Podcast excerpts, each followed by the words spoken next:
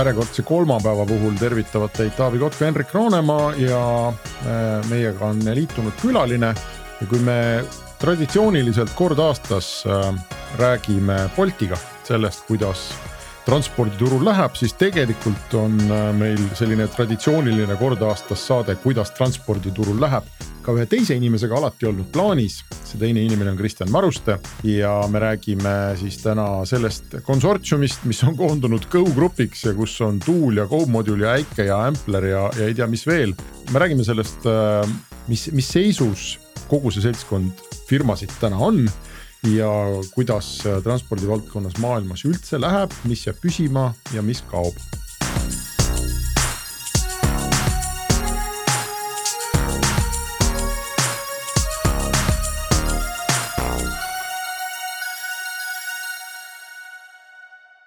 tervist, lugupeetud kaassaatejuht. tšau.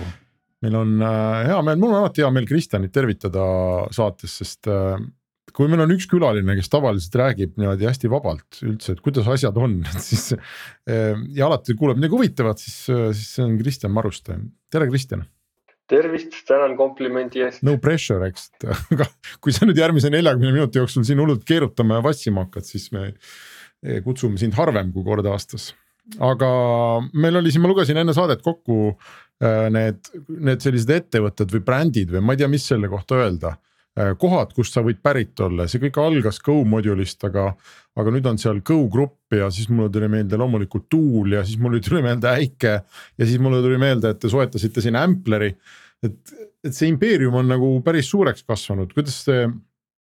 Te ametlikult siis nüüd nimetate ennast siis äh, Go grupiks ja need teised on seal alam, mis asjad, ma ei tea, divisjonid, brändid, firmad, kuidas teil see asi üles ehitatud on? No me sisemiselt kutsume neid äriüksusteks või business unit iteks, aga, aga nad jah, pigem liiguvad sinna, et nad on igaüks ka ise osaühing, aga, aga ta on natuke segane jah, aga noh, tead, see on niisugune, hakkad kuskilt otsast peale ja siis järjest asjad juhtuvad, et, et ma kindlasti nagu ei,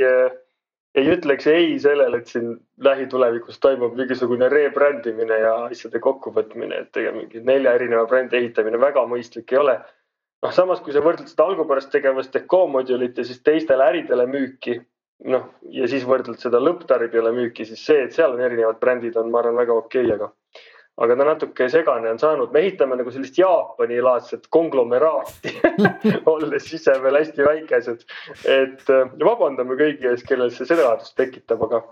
aga inimesed on kõik toredad, samad. vaesed saatejuhid peavad kuidagi hakkama saama, aga Jaapanis on muide minu teada vist maailma kõige vanemad firmad, mis siiamaani tegutsevad, on pärit just nimelt Jaapanist ja need ulatuvad, ma ei tea, tuhande aasta taha, nii et äh, selles mõttes plaan tundub hea olevat. Need muidu on sellised maffia tüüpi firmad, et sellest on ka raamatuid kirjutatud ja ütleme, et kui esimene välis startup'ide laine tuli Jaapanist. siis need olidki need kompaniid, kes ütlesid, et nad ei taha teha Jaapanis startup'i, sest nii kui sa Jaapanis teed, nii tuleb Jaapanis mingi Mitsubishi või mingi muu suur mölakas on ju. lihtsalt sööb su ära kohe, et noh, et ei ole sihukest nagu head kihti, kus nagu kasvada, et ei ole nagu mingi noh, seed A, B, C raundi ettevõtted, et on põhimõtteliselt, kui on hea idee siis järgmine hetk oled Hitachi kõhus ja läinud, et äh, pole enam võimalust, on ju, et. Äh. nii et kõik Eesti transpordisektori idud vaadake alt no aga alustame siis sellest no,, väga hea. alustame Go grupist. ei nagu., alustame siis Äppi, kui juba jutt selleni läks, et vaadake alttranspordisektori idud, siis on igati paslik võib-olla sellest õnnetust Amplerist rääkida või võib-olla. oota Hendrik, mul oli üks nali veel, mulle meeldis need, ta ütles nende kohta business unit'id, et ma olen kunagi selle vea teinud, et äh, kui sul on business unit'id, siis kuidas kutsutakse business unit'i juhti? Business unit no, mana, mana, ei business unit manager on ju. Wise, wise president ütleks mina. ei, ei business unit manager ehk siis lühendina Bum, bum. jah We have four bums and looking to hire more. okei okay,, Kristjan, Ampler ähm,, räägi see lugu ära, kuidas see, kuidas see juhtus ja miks, et Ampler on nüüd kuidagi teie kõhus? et ta juhtus äh, sellepärast, et nii kurb oli vaadata Ampleri keerulist seisu ja nagu tegi hääbumist, et see ei olnud selline pikalt ette planeeritud strateegiline otsus. et tegelikult Ardo helistas mulle suvel kehv kronoloogilises mälus, aga kuskil suve keskel ja palus abi, et äh, oleks vaja nagu lisafinantseeringut või investeeringut leida. siis ma siiralt nagu proovisin aidata ja tegin mõnesid introsid ja mõtlesin, kellega nad rääkida võiksid ja nii edasi. ja siis mingi aeg oli nagu vaikus. aga siis noh, me arutasime seal veel asju, et kuidas, kuidas saaks neilt, nende nina nagu vee peale tõmmata. ja kuna ka meil mõlemal olid äh, samad ingelinvestorid, et meil oli nii mõlemas oli siis nii Jaan Tallinn investeerinud kui, kui Ragnar Sass, et siis ühel hetkel kuidagi see jõudis sinnamaale, et nemad nagu väljaspoolt ei ole suutnud raha kaasata edukalt ja, ja ka need olemasolevad investorid kõik nagu ütlesid, et noh, et selleks, et nad paneksid õlga alla, peaks juhtuma midagi nagu suuremat või mingi selgem muutus. siis ma ühel hetkel vist duši all, mul tulevad alati parimad mõtted, siis ma mõtlesin, et kuule, et aga äkki siis nagu, nagu noh, räägiks siis nii, et aga äkki paneme siis ise kuidagi leivad ühte kappi. see mõte tuli ja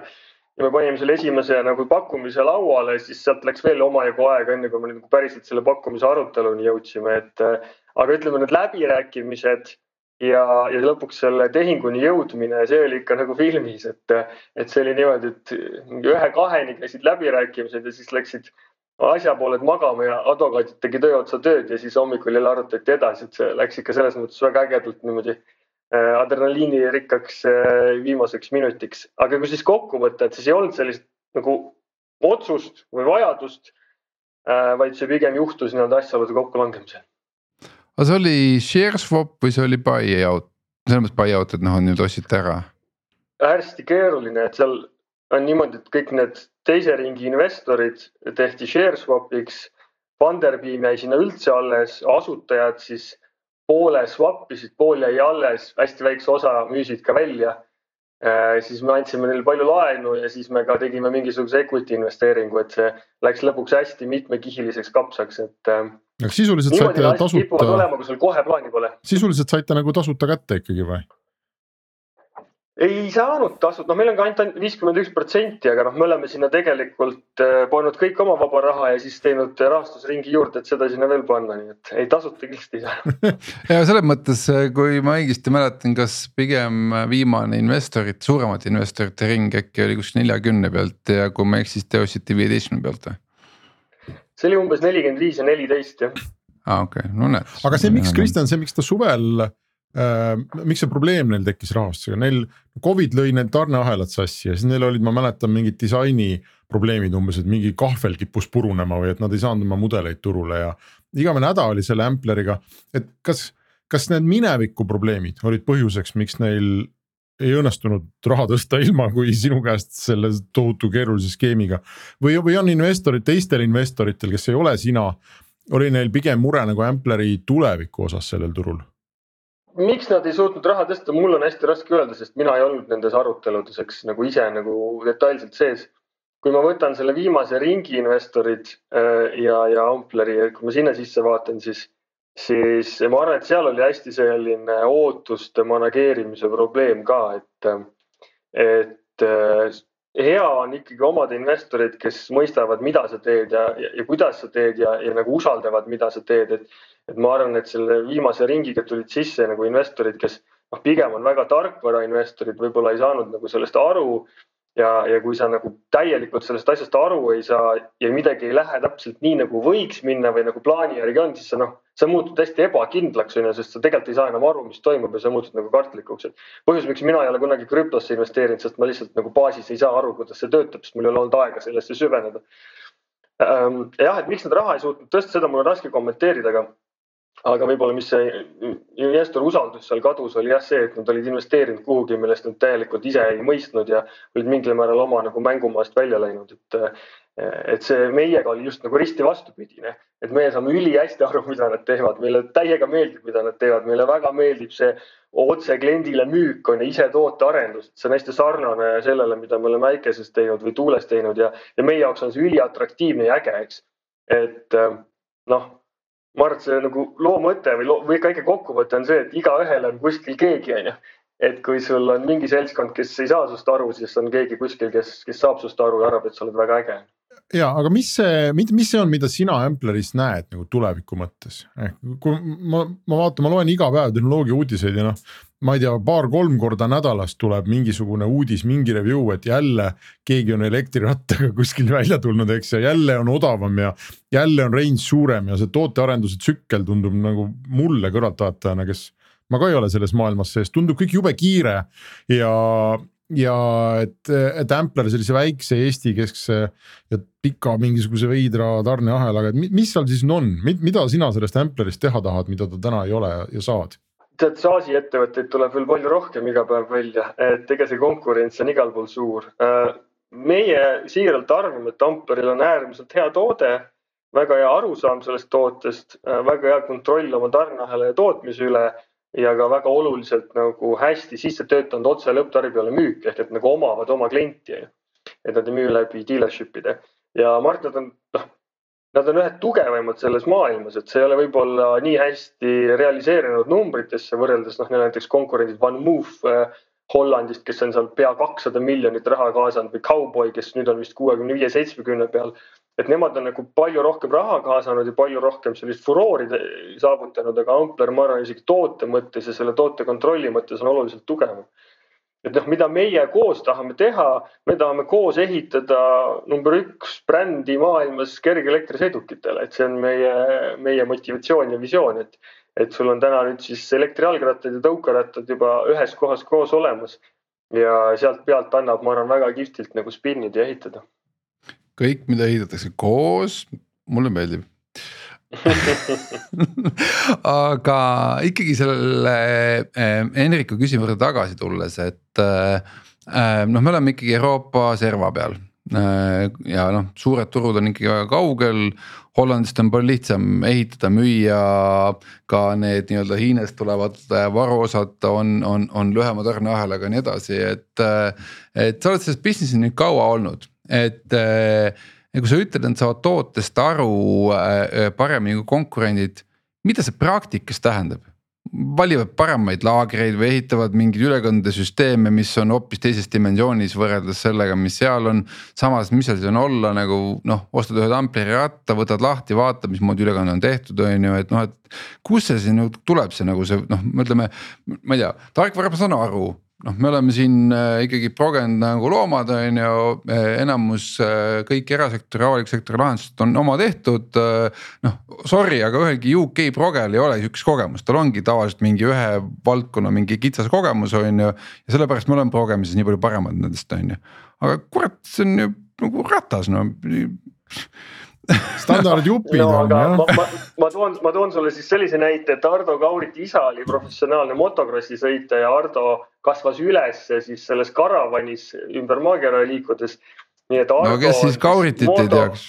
motokrossi tsiklite ja ütleme siis kaherattalistega ju tegelenud enne, kui ta üldse sündiski, nii et, et seal on ka nagu väga palju seda, seda kogemust ja tunnetust. aga noh, kui võrrelda, ütleme näiteks selle Van Moofiga on ju, et noh, Van Moofi põhiline probleem on see, et nad ei ole suutnud oma nii-öelda siis hooldust tagada. inimestel on rattad katki, on ju, nad ei suuda seda jama pärast ära süüa. aga see tuleb sellepärast, et et kogu see müügitiim ja turundustiim on Euroopas, ratast disainitakse neil Taiwanis ja, ja toodetakse Hiinas ja ta tuleb siia ja sul tegelikult ei ole seda nagu ühendust üldse siis äh, selle disaini tootmise vahel ja selle lõpp, lõpptarbijaga tegelemise vahel ja siis seal tekibki igasugust jama ja probleeme vahele. et kui me räägime sellest, et sa saad aru, mis asi see sul on, see tähendabki, et sa saad ehitada hea sõiduki, ehitada selle odava vastupidavaga, saad ka veenduda, et sa suudad seda siis ise väga hästi nii-öelda käidelda, tänaval hoida ja neid kulusid ja muresid madalal hoida, et. et noh, ma arvan, et see, see põhiasi on nagu see, et sa päriselt saad nagu tükkideni aru, mida sa teed ja noh, jällegi tuua võib-olla tarkvarast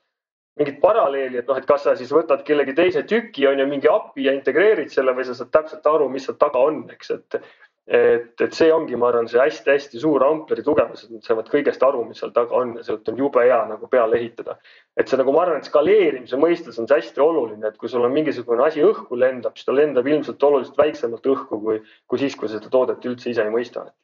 aga kui palju see on praegu erinev sellest, mida te teete nii-öelda oma selle Go ja Äikese poole peal, et äh,. see on väga no. sarnane, see on väga-väga sarnane, et see, kuidas meie ehitame Äikest, kuidas Amper on ehitanud nende ratast, see on väga-väga sarnane, see on, see on tead nagu match made in heaven, see on nagu brother from another mother, et, et selles mõttes meie jaoks see, see asjade kokkupanemine ongi äärmiselt loogiline. Aga no kokkuvõttes ju eksisteerivad eraldi, et niisugust asja ei ole, et kuule, et äh, meil on siin nagu ühte tihendit vaja, et kas teil on ka sama tihendit vaja, et teeks nagu ühise tellimuse on ju, et. sünergiat hakkad otsima no,. ei, ma ikka kindlasti. ma vihkan no, seda sõna kõik vihkavad. me sada, sada protsenti jõuame sinna, et äh, lihtsalt kuna see äri on hästi-hästi hooajaline, siis täna on eesmärk ainult nagu müüa ja see hooaeg ära teha, onju. aga sügisel me kindlasti väga palju konsolideerime neid asju kokku selleks, et äh, võitagi mõlemalt poolt.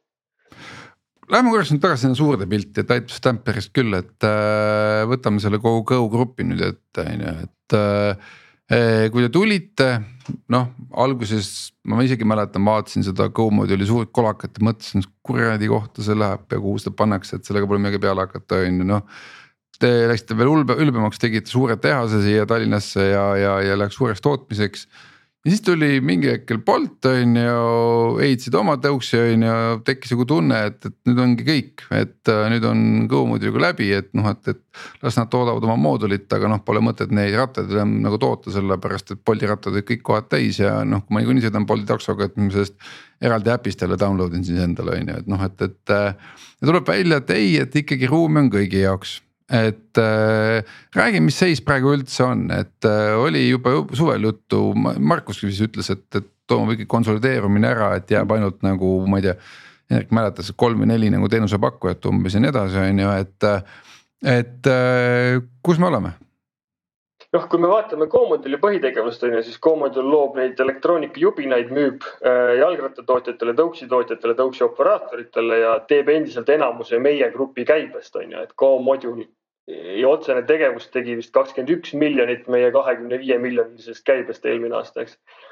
et siis Tuul, kus me ise opereerime, kus me siis äh, otse Boltiga konkureerime, et Bolt vist tegi, vabandust, et Tuul tegi seal kaks pool, kolm miljonit käivet siis Tallinna ja Riia peal et kui me vaatame nüüd seda tõukeratta jagamist, siis noh, ma arvan, et me oleme juba läbi tulnud sellest kõige tumedamast kohast. Äh, nüüd Pariisis tuleb siis äh, rahvahääletus, kas jätkatakse, jätkatakse tõuksidega või mitte, eks ole näha, et oleneb, kummale poole see kukub. aga laias laastus ma arvan, et me oleme sellest kõige tumedamast august, kus seda väga üle reguleeriti ja prooviti ära nii-öelda keelata välja tulemas, et nüüd pigem läheb nagu see asi rahulikumaks ja paremaks. hinnad on jõudnud ka kohaneda kui sa vaatad nüüd suurt maailmapilti, siis, siis sul oli, eks ole, ütleme Bird äh,, kes oli maailma kõige kiirema väärtuskasvuga startup üldse, sul oli Voitier, seal on paar suurt veel. ja nendel on kõigil tegelikult hästi raske täna, on ju, et Bird oli kunagi väärt kaks koma kaks miljardit ja ma just vaatasin, nüüd nad on väärt nelikümmend miljonit. Ähm, Voil vist läheb veitsa paremini, aga ma tean, et seda on ka ikkagi nagu mitmeid kordi alla hinnatud ja Thierry'st ei tea, sest Thierry kohta natuke on vähem infot, aga ega neil ka nagu liiga hästi minna ei saa. noh, mida nad kõik valesti tegid, oli see, et nad kaasasid siis riskikapitali raha, andsid ära enda osalust, aga ostsid selle eest tõukerattaid, mis olid hästi kehvad ja siis paari nädala pärast või paari kuu pärast neid tõukerattaid enam ei olnud, aga equity olid ära andnud, onju ehk et põhimõtteliselt sa peaksid nagu equity eest alati ehitama väärtust, looma IP-d, kasvatama ettevõtte väärtust, mitte ostma varasid, onju ja see oli see kõige suurem viga, mida nad tegid, aga seda nad tegid ja kasvatasid tohutult. ja noh, ma arvan, et tegelikult see, see teenus jääb, see teenus on äge, aga sul on olemas need esimesed liikujad, kellel kõigil on justkui nagu mingi ajuvaba siis selle valuation'i auk on ju, et saad aru, nad on kulutanud ära mingid sajad miljonid, nad on olnud väärt miljardeid, aga nüüd tulevad mingid teise laine mehed, kaasa arvatud Bolt on ju kes justkui nagu ei, ei pane equity't sinna sisse, onju, kes suudavad nagu kas siis laenu toel või rahulikumalt kasvada. nii et ma arvan, et sellel esimese järgu ettevõtetel kõigil saab olema ilmselt nagu väga raske, kuhu nad välja jõuavad. noh, Laim ütles, et nad nüüd suudavad esimest korda näidata positiivseid numbreid, aga noh, mõtled, sa teed sada milli või midagi sellist käivet, oled põhimõtteliselt nullis, aga oled ära põletanud mingi poolteist miljardit, et noh, see on päris nagu ajuvaba situatsioon et mina arvan üldiselt, et Boltil maailma mastaabis on nagu mega hea positsioon, kus olla, on ju, et nemad nagu läksid teise lainega oma vahenditest ja väga mõistlikult. ma mõtlengi, et äh, selles mängus äh, noh, Go-Module ei ole nagu kuskil ikkagi, et äh, te olete lihtsalt nagu sellesama elektroonikatootjad ja, ja noh, tuul on liiga väike, et võrdlusse panna jah, põhimõtteliselt nii ongi, aga tuul ja. kasvab nii, kuidas ta ise jõuab, et meil on see sisemine eesmärk, et tuul Äh, kasvab äh, kasumlikult ja nii kiiresti, kui ta ise jõuab nii-öelda kasutades finantsvahendeid on ju, laenu või võlakirja. varsti kasvame, teeme paar linna võib-olla veel lahti, aga jah, tuul täna on ikkagi ju köömes selles suures pildis. oota, aga Kristjan, kui Et see no, suure nagu maailmas toimub äh, mingil määral nagu on toimunud tõukside selline taga, taandareng või tagasikukkumine, mulle tundub või noh, sa ütlesid regulatsioon ja et mis see Go-mooduli äriline tähendab, kellele teil neid müüa on? no meie müüme, meie müüme üheksakümmend kolm protsenti oma moodulitest elektrijalgratast tootjatele ja neile, kes siis müüvad neid lõpptarbijatele, et. et äh, hästi noh, inimesed, kes on sellest sektorist nagu väljas, nad vaatavad ka ainult neid tänaval olevaid renditõukse ja mõtlevad, et see ongi kõik, on ju. et reaalsuses on nii, et Euroopas müüakse umbes viis miljonit elektrijalgratast aastas ja umbes kaks miljonit elektritõukeratast, noh eraisikutele on ju, erakasutusse ja siis samal ajal võib-olla lisatakse noh, sada viiskümmend, ma ei tea, kakssada tuhat maksimaalselt renditõuksi on ju. et no me räägime, see vahe on seal mingi noh, ma ei tea, kuus-seitse, ei, mis asja rohkem ikka üle, üle kümnekordne on ju. et, et tegelikult kogu see renditõukerate business, ta lihtsalt on nii palju olnud selles startup meedias on ju, sellepärast et venture capital pani sinna raha. aga tegelikult, kui sa selle kogu tööstuse kõik nii-öelda kergelektriõikurid kokku võtad, siis noh, ta on nagu sihuke pinnavirvendus aga sa ütlesid, et noh ilusa lause on ju, et, et ettevõtte arendamisse noh investor raha nagu ei tohiks panna äh, nii-öelda CapEx'i investeeringutesse on ju. aga samas ei saa tuult teha ju niimoodi, et sa nagu ei osta tohutut hunnikut rattaid kokku või, või sul ei ole samat mõtet, et umbes, et kui mul ämmal näiteks elektritõuks seisab päeval, kuna ta on ise raamatukogus tööl, on ju et siis no umbes nagu Bolt Drive on ju, et noh, et, et panen oma tõuksi ka nagu platvormile, et las ta sõidab nii kaua, kuniks ma siin istun oma, oma, oma, oma töö juures on ju, et. Äh, ja eks ikka niisuguseid mõtteid on, isegi siukseid startup'e on ehitatud, kui sa vaatad, siis keegi pole sellega maailmas nagu õnnestunud, et Airbnb muutus ka professionaalseks ja. ja autolevi jäi ka Bolt Drive'ile ja Citybeile alla, et, et, et see pigem on ikkagi see, et sul tekib see efektiivsus ja rahaline võit tekib ikkagi siis sellest nii-öelda suurest fliitist või suurest äh, massist ja professionaalsest toimetamisest. kas see, et tõmmata see pinnavirvendus, see renditõuksi asi kokku, ma olen ikka, ma, ma Markust siin ka grillisin, et ma, ma elan praegu Hispaanias ja ma näen, et siin nad on tänaval ja ma, ma peaaegu mitte kunagi ei näe, et keegi nende tõuksidega, nende renditõuksidega reaalselt sõidaks, nad lihtsalt on tänaval. ja teistpidi, see on nagu väga reguleeritud, et siin on tõuksiparklad ja need tuleb sinna parklasse jätta, et sa ei tohi lihtsalt kuhugi jätta. ja, ja mulle tundub, et väga sarnane mudel on vist see, mis on vähemasti Euroopas ka ikkagi võidukäiku tegemas, et see, mis Tallinnas toimub, mulle ei tundu, et, et suuremad Euroopa riigid või linnad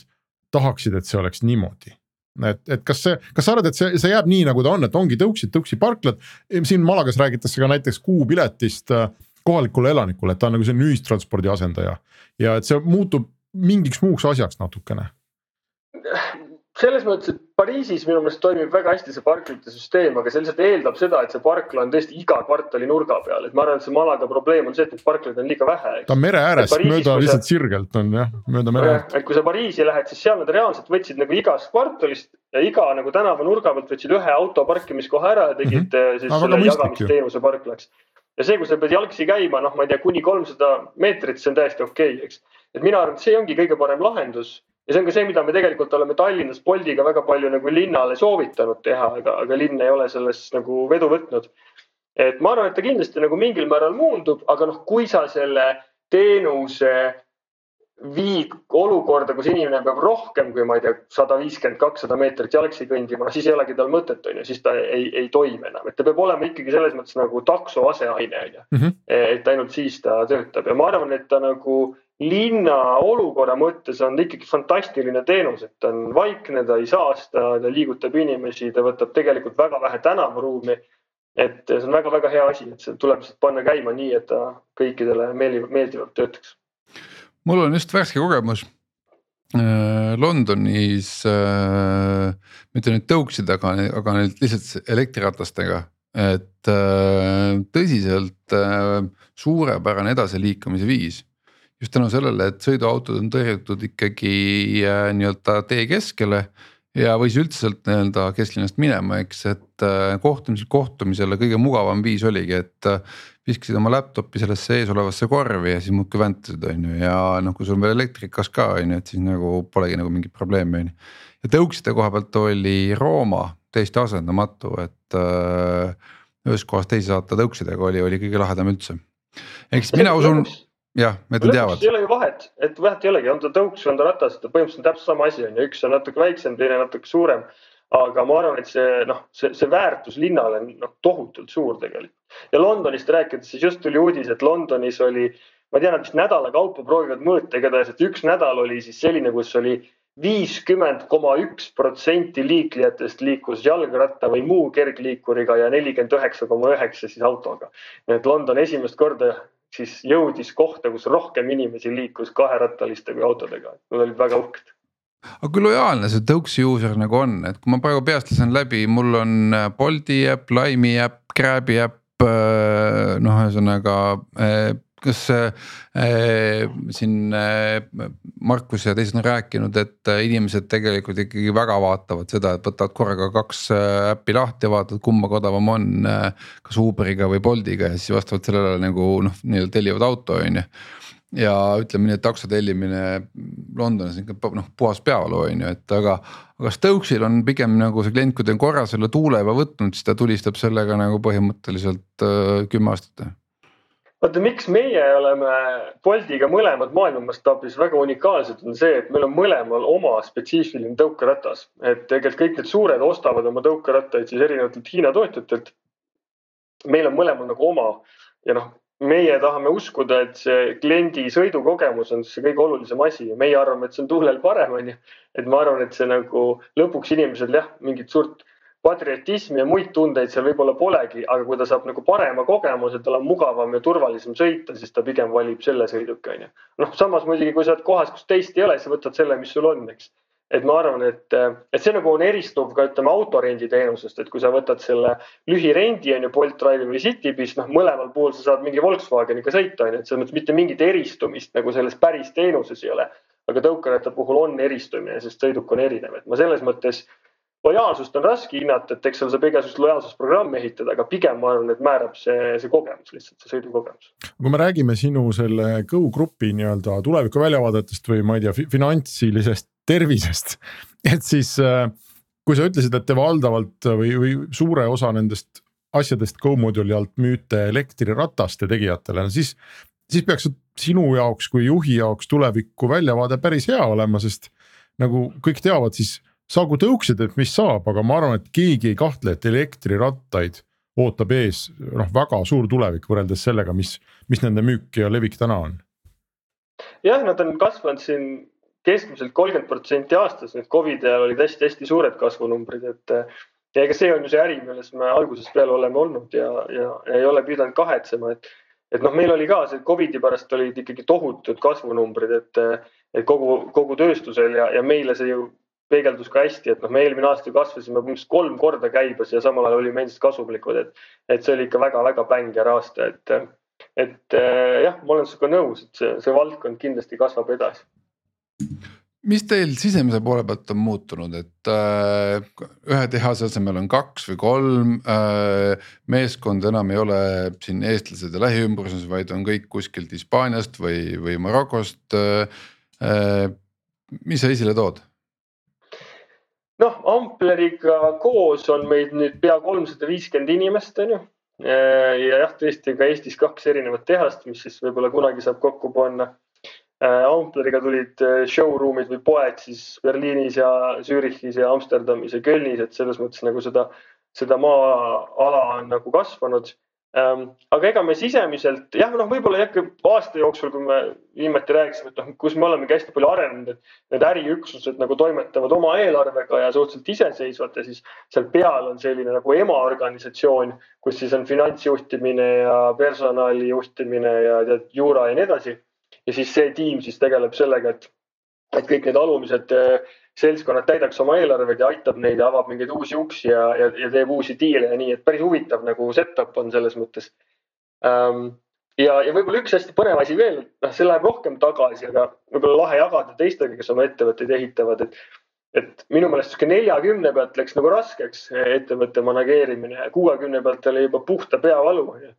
ja, ja mida alguses ikkagi proovisime teha, oli noh, niisugune standard sihuke hierarhiline organisatsioon, nagu ta sul on, on ju, et noh, neljakümnel pole midagi vaja teha, aga siis hakkad seda hierarhiat tegema. ja siis on probleem selles, et iga kord, no sa kasvad nii kiiresti, et iga kord, kui sul tuleb kümme inimest juurde, sa pead selle hierarhia nagu ümber joonistama. ilge nagu peavalu ja õudne nagu kogu aeg nagu restruktureerimine, ümbermõtlemine, aga siis, kui me kui me saime selle paika, et me ehitame nagu siukseid kümneliikmelisi iseseisvaid meeskondi, on ju, kus on nagu tootejuht ja disainer ja insenerid ja neil on oma eesmärgid ja peavad neid täitma ja kui see ettevõte kasvab, sa teed neid noh, kaheteist, noh kümnene kasvab viieteistkümneks, siis teed ta pooleks, on ju, või ehitad neid uusi üksuseid juurde. vot siis läks elu nagu hästi-hästi palju ilusamaks, et sa täna tegelikult tegeled sellise kümneliikmelise organisatsiooni eh, noh, ühiku nagu protsesside parendamisega mitte sellega, et kogu aeg seda hierarhiat ümber joonistada. Ja pärast seda on nagu päris äge olnud ja, ja siis on kasv nagu palju lihtsasti. oota, aga, aga too mingi konkreetne näide, võtame sellesama, ma ei tea, võtame tuule näiteks, eks, et kas sul on või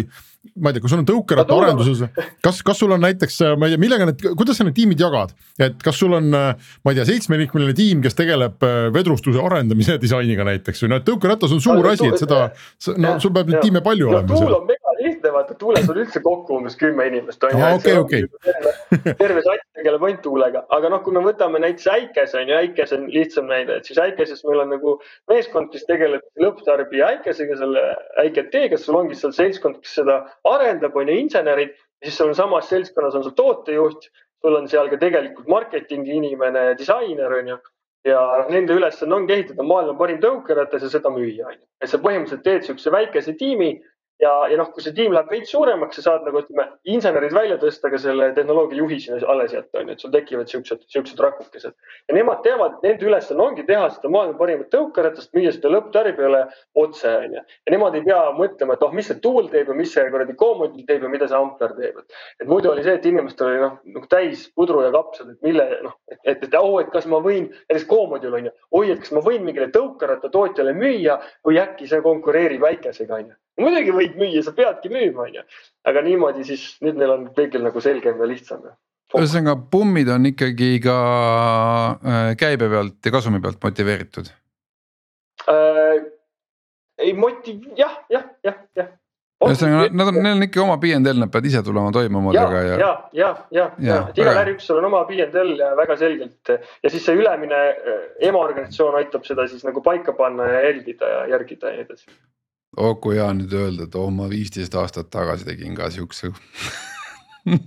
küll aga minu meelest see saate, aga Taavi, minu meelest see saate formaat ongi ju selline, et Hendrik küsib paar küsimust ja siis sina heietad, kuidas sa vanasti tegid. No vot, see on see, kui ikka mõned mehed on juba nii vanad, et saavad heietada. Meil jah, ütleme ideaalis ei oleks äh, Kristjan siin, äh, poleks sind tänasesse saatesse isegi vaja olnud, et Taavi oleks kindlasti ka ise ära, ära rääkinud selle jutu täitsa ilma. ei no kuulge, aga meil peab olema ikkagi see variant, et äh, no vaata nagu noored muusikud või, või noh, nii-öelda noored talendid ja siis on mingid vanad vettinud mägrad, kes ütlevad, kuidas nad üheksakümnendatel plaate keerutasid, on ju, et, et noh. ma olen ikka sinna no, kategooriasse. see näitab ikkagi ökosüsteemi küpsust. jah, näitab, et on olemas mingi uus tulemine ja me mõnes saates Taavi tahaks kuulda, kuidas sa kaheksakümnendatel Nõukogude Liidus tuuritasid ja täis, täislavadele esinesid. vana rokkari juttu sellist, et aga, aga Kristjan, üks asi, jah. see algab vist ikka Tartu Ülikooli aegadest all ja äh, TalTechist lausa ikkagi jah. Äh, Kristjan, üks asi, mille poolest see Go, äh, kogu see Go seltskond või see ettevõtmine ka on erinev paljudest teistest Eesti idufirmadest, no üks on see, et te julgete riistvaras tegele-, tegutseda ja nagu sa siin vihjasid, et siis Eesti investori jaoks tekitab see selliseid põletikulisi mädavinne, kui nad kuulevad, et nad peavad riistvara maailma investeerima. aga, aga teine asi on see, et, et needsamad showroom'id, teil oli ju ma ei tea, on või oli äh, Pariisis, ma mäletan ja, ja, ja kas oli Berliinis ka või kuskil oli, eks. ja siis nüüd te saite terve portsu juurde Ampleriga, mida see äh,, kuidas sa kirjeldaksid oma sellist kogemust ja äh, mida sa oled teada saanud äh,, üritades maailma suurlinnades müüa mingisuguseid tooteid peatänava mingites showroom ides äh, tavalistele välismaa inimestele see on väga hea küsimus. Äh, ma olen müünud peaaegu mitte ühtegi tõuksi Pariisi showroom'is ja panime selle kinni, see on äh, minu, äh, ma arvan, siis ettevõtja karjääri üks kõige suuremaid valeotsuseid, mille kulu oli, ma arvan, pea nelisada tuhat eurot ja tulu oli null meie oma väikese showroom'iga Pariisis kukkusime totaalselt läbi. aga kas sa mõtled, et sa sõna otseses mõttes ei müünud ühtegi, et see oligi, käive oli null? no see on natukene tõlgendamise küsimus, aga põhimõtteliselt jah, et me midagi müüsime Pariisi, aga see ei olnud nagu läbi showroom'i. et, et ma arvan, et see võib öelda, et see oli null ja me kulutasime sinna pea nelisada tuhat eurot. Ampler on seda palju edukamalt teinud, nüüd me saame õppida nende pealt, kuidas nad seda edukamalt on teinud. aga ma arvan, et me ei, ei, ei hävinud mitte niivõrd väga nii-öelda selle showroom'iga kui selle tootega, et vaata, me läksime sinna tootega, mis oli tegelikult renditõukeratas, ei käinud kokku, onju ja inimene oli valmis ostma tõukeratast, mis käib kokku, onju, ja siis noh, ühesõnaga justkui tekitasime väga väikse ettevõtte, hakkasime iPad'e müüma, ilma et me oleks Apple olnud, et mobiiltelefonid on olemas, arvutid olid olemas. siis me tulime, ütlesime, aga meil on sihuke asi siin vahepeal, mis tegelikult on jube hea, onju. ja, ja see nagu üldse ei lennanud aga jah, et selle Pariisi showroom'i kogemus on meil äärmiselt valulik ja, ja, ja mitte midagi äh, targemaks ka ei saanud, ma ütleks. Ma ei saaks öelda nii, et oi, et see raha oli ikka hästi investeeritud, et sain jube palju targemaks. Väga ei saanud targemaks pigem oli see, et nagu ära tee siis seda poodi enne kui sa ei näe, et noh, et juba, juba mingisugune tõmme on turult. ühesõnaga, et inimesed ei tulnud ja sa päris täpselt ka ei saanud aru, miks nad ei tulnud, kõndisid ka mööda. ei no me selles mõttes saime aru, et see oli ikkagi selle toote viga on ju, aga vaata, see ongi see, et sa nagu teed selle poe, vaatad mingi ürituse, vaatad inimesed nagu käivad, tulevad, aga keegi ei osta ja saad aru, tegelikult toode on kehva on ju. et sa pead ikkagi toote saama paika ja siis võid oma poe teha aga noh, Pariisis on siukest poodi roppu moodi, et see on hästi huvitav, vaata, et Pariisis ju kõik rõivabrändid ja kõik nad ju hoiavadki neid poode selleks, et nad saaks öelda, et neil on Pariisis pood on ju, et ma ei tea, palju sealt üldse ostetakse, et. et selles mõttes on see Pariis ka natuke teistsugune koht, aga, aga jah, meie kogemus oli väga halb, aga Amperi kogemus on oluliselt parem. ma mõtlen, mis sa siis nende oma uute showroom idega peale hakkad, mis sa Ampleriga kaasa said, et kas neid ähvardab siis kirves või, või hoiad lahti ja lähed küsid nende käest? Need Ampleri showroom'id on täna ikkagi kõik nagu noh, võib öelda nii-öelda nagu kasumlikud, et, et showroom ides müüakse otseselt rohkem rattaid, kui on showroom'i kulud, on ju. et äh, neil nad ikkagi kõik väga hästi on ennast õigustanud, et võib-olla isegi eriti hästi õigustas see Zürichi avamine, et seal, seal nad said kohe väga hästi nagu minema. oota, aga Ampleril oli ka mingi ambassador'ide süsteem. jaa ja, ja see on nagu vaikselt vist sulgumas, aga ambassadori süsteemi mõte on jah see, et sul on siis igas linnas mingi inimene, kellel on Ampleri ratas, on ju. ja kui sa tahad proovisõitu teha, siis tema annab sulle selle ratta ja kui see inimene ostab Amperi kodukalt, siis see ambassador saab seal, ma ei tea, sada euri või kakssada euri saab mingi kick-back'i on ju, et tal on nagu motivatsiooni sulle seda sõita anda. oota, aga miks sa aga... selle kinni paned? ei, mina ei, mina ei tee mingeid otsuseid seal praegu, et see on kõik Ampler ise toimetab, aga minu teada see, see, see ei ole nagu kasvanud um, ma ausalt öeldes täpselt ei tea, aga seal vist on nagu see, et sul on hästi raske tagada nende inimeste nagu motiveeritust ja seda nagu täpselt, et noh, mis infot nad jagavad ja kuidas nad seda asja teevad, on ju, et see on ikkagi selline noh, hästi nagu hunnik vabakutselisi ja sa tegelikult ei tea, kui suured fännid nad on ja kas sa saad need ajad ja nii edasi, et ma saan aru, et see nagu manageerimine on päris, päris nagu suur. ja teine mure on vaata see, et kui sul on mingi tähtis, tähtsa nimetusega mingi ambassador kuskil ja, ja noh, sa oledki nüüd seal Zürichis ja tahad osta seda ratast, eks ole, siis see ambassador, ma ei tea, ei tule kohale ja tal on ja, eksamid ja tal ei ole aega ja noh, siis sul on probleem, eks ja, ja päris suur probleem. ja no ütleme niimoodi, Ambleril on täna see, et sul on pood on ju Amsterdamis, Kölnis, Berliinis ja Zürichis, kus noh, elab kokku, ma ei tea, kümneid miljoneid inimesi. Et,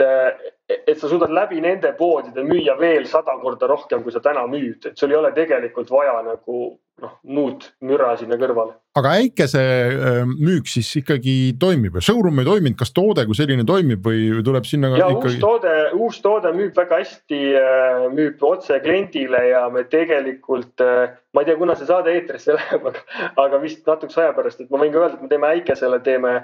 subscription toote, mis siis tähendab seda, et sa maksad